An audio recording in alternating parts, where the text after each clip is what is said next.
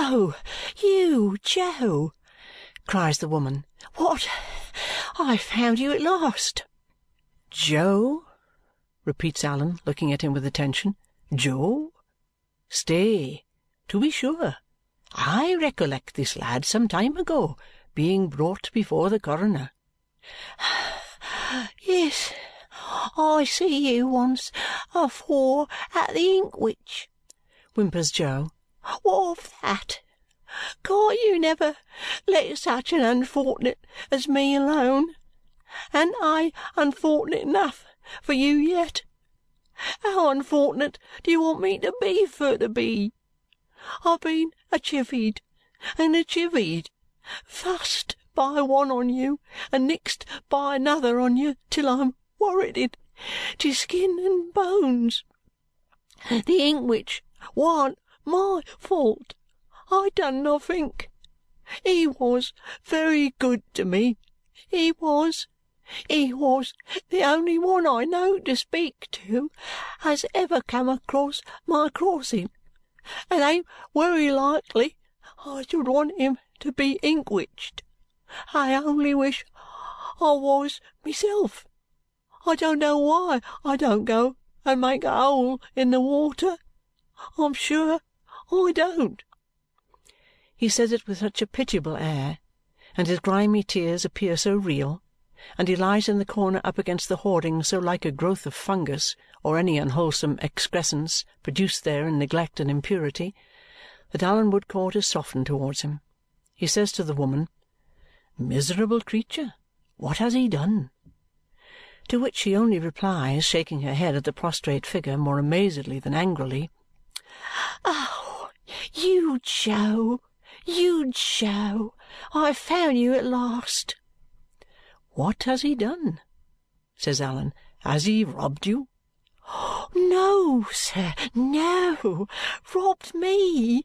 He did nothing but what was kind-hearted by me, and that's the wonder of it." Allan looks from Jo to the woman, and from the woman to Jo, waiting for one of them to unravel the riddle. "But he was along with me, sir," says the woman. "Oh, you Jo! He was along with me, sir, down at St. Albans, ill and a young lady, Lord bless her for a good friend to me, took pity on him when I durstn't and took him home." Allan shrinks back from him with a sudden horror. "Yes, sir, yes. Took him home and made him comfortable, and like a thankless monster he ran away in the night and never has been seen or heard of since till I set eyes on him just now. And that young lady that was such a pretty dear caught his illness, lost her beautiful looks, and wouldn't hardly be known for the same young lady now if it wasn't for her angel temper and her pretty shape and her sweet voice. Do you know it?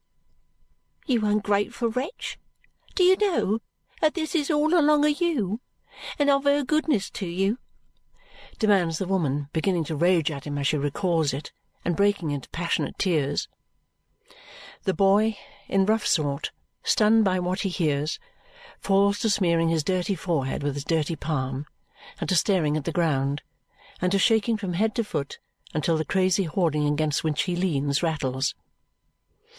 Allan restrains the woman merely by a quiet gesture, but effectually.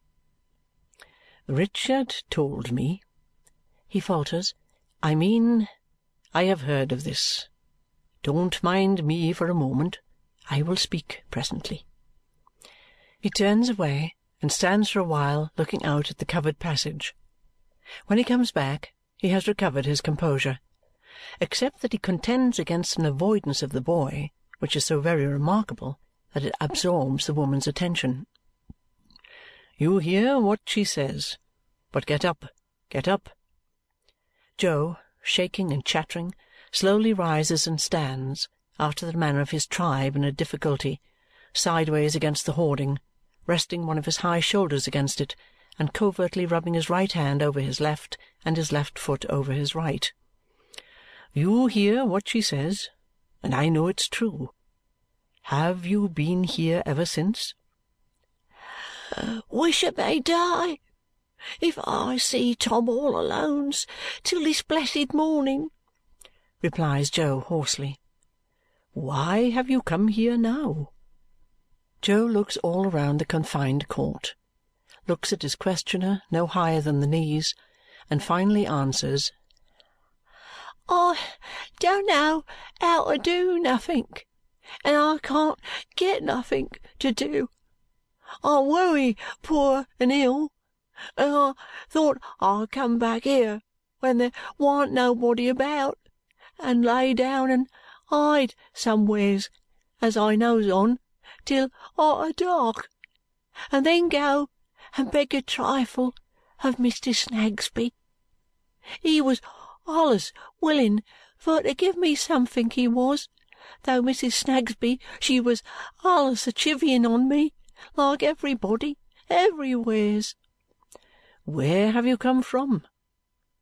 Jo looks all round the court again, looks at his questioner's knees again, and concludes by laying his profile against the hoarding in a sort of resignation.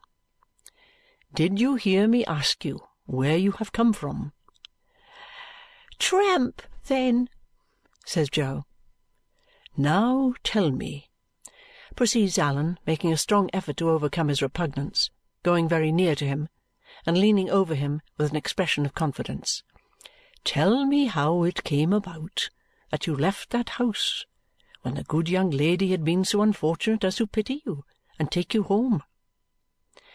Jo suddenly comes out of his resignation and excitedly declares, addressing the woman that he never known about the young lady, that he never hearn about it, that he never went fur to hurt her, that he would sooner have hurt his own self, that he'd sooner have had his unfort'nate ed chopped off than ever gone anigh her, and that she was wery good to him, she was. Conducting himself throughout as if in his poor fashion he really meant it, and winding up with some very miserable sobs. Allan Woodcourt sees that this is not a sham he constrains himself to touch him. "Come, Jo, tell me." "No, oh, I doesn't," says Jo, relapsing into the profile state. Oh, "I doesn't, or I would." "But I must know," returns the other. "All the same, come, Jo." After two or three such adjurations, Jo lifts up his head again, looks round the court again, and says in a low voice. Well, I'll tell you something. I was took away there." "Took away? In the night?" "Ah!" Very apprehensive of being overheard, Jo looks about him and even glances up some ten feet at the top of the hoarding and through the cracks in it, lest the object of his distrust should be looking over or hidden on the other side. "Who took you away?" "I dustn't name him," says Jo. "I dustn't do it, sir." "But I want, in the young lady's name, to know. You may trust me. No one else shall hear." "Ah, but I don't know," replies Jo, shaking his head fearfully, "as he don't hear." "Why, he is not in this place?" "Oh! Ain't he, though?" says Jo. "He's in all manner of places all at oncest." Allan looks at him in perplexity, but discovers some real meaning and good faith at the bottom of this bewildering reply. He patiently awaits an explicit answer, and Jo, more baffled by his patience than by anything else, at last desperately whispers a name in his ear.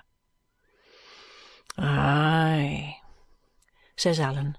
"Why, what had you been doing?" "Nothink, sir. Never done nothink to get myself into no trouble, excepting not moving on under inkwhich. But I'm a moving on now. I'm a moving on to the burying ground. That's the move as I'm up to." "No, no, we will try to prevent that. But what did he do with you?"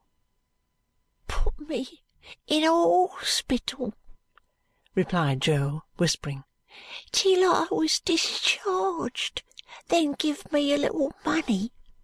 four half balls, what you may call half crowns, and says, Hook it. Nobody wants you here, he says. You hook it. You go and tramp, he says. You move on, he says. Don't let me ever see you nowheres within forty mile of London, or you'll repent it. So I shall if ever he doos see me, and he'll see me if I'm above ground," concludes Jo, nervously repeating all his former precautions and investigations. Allan considers a little then remarks, turning to the woman, but keeping an encouraging eye on Jo, "He is not so ungrateful as you suppose. He had a reason for going away, though it was an insufficient one." "Thank ye, sir, thank ye!" exclaims Jo. "There now! See how hard you was upon me! But only you tell the young lady what the gentleman says and it's all right, for you was wery good to me, and I knows it." "Now, Jo," says Allan, keeping his eye upon him, "come with me, and I will find you a better place than this to lie down and hide in. If I take one side of the way, and you the other to avoid observation, you will not run away, I know very well, if you make me a promise." "I won't. Not unless I was to see him a coming, sir." "Very well. I take your word. Half the town is getting up by this time, and the whole town will be broad awake in another hour. Come along. Good day again, my good woman."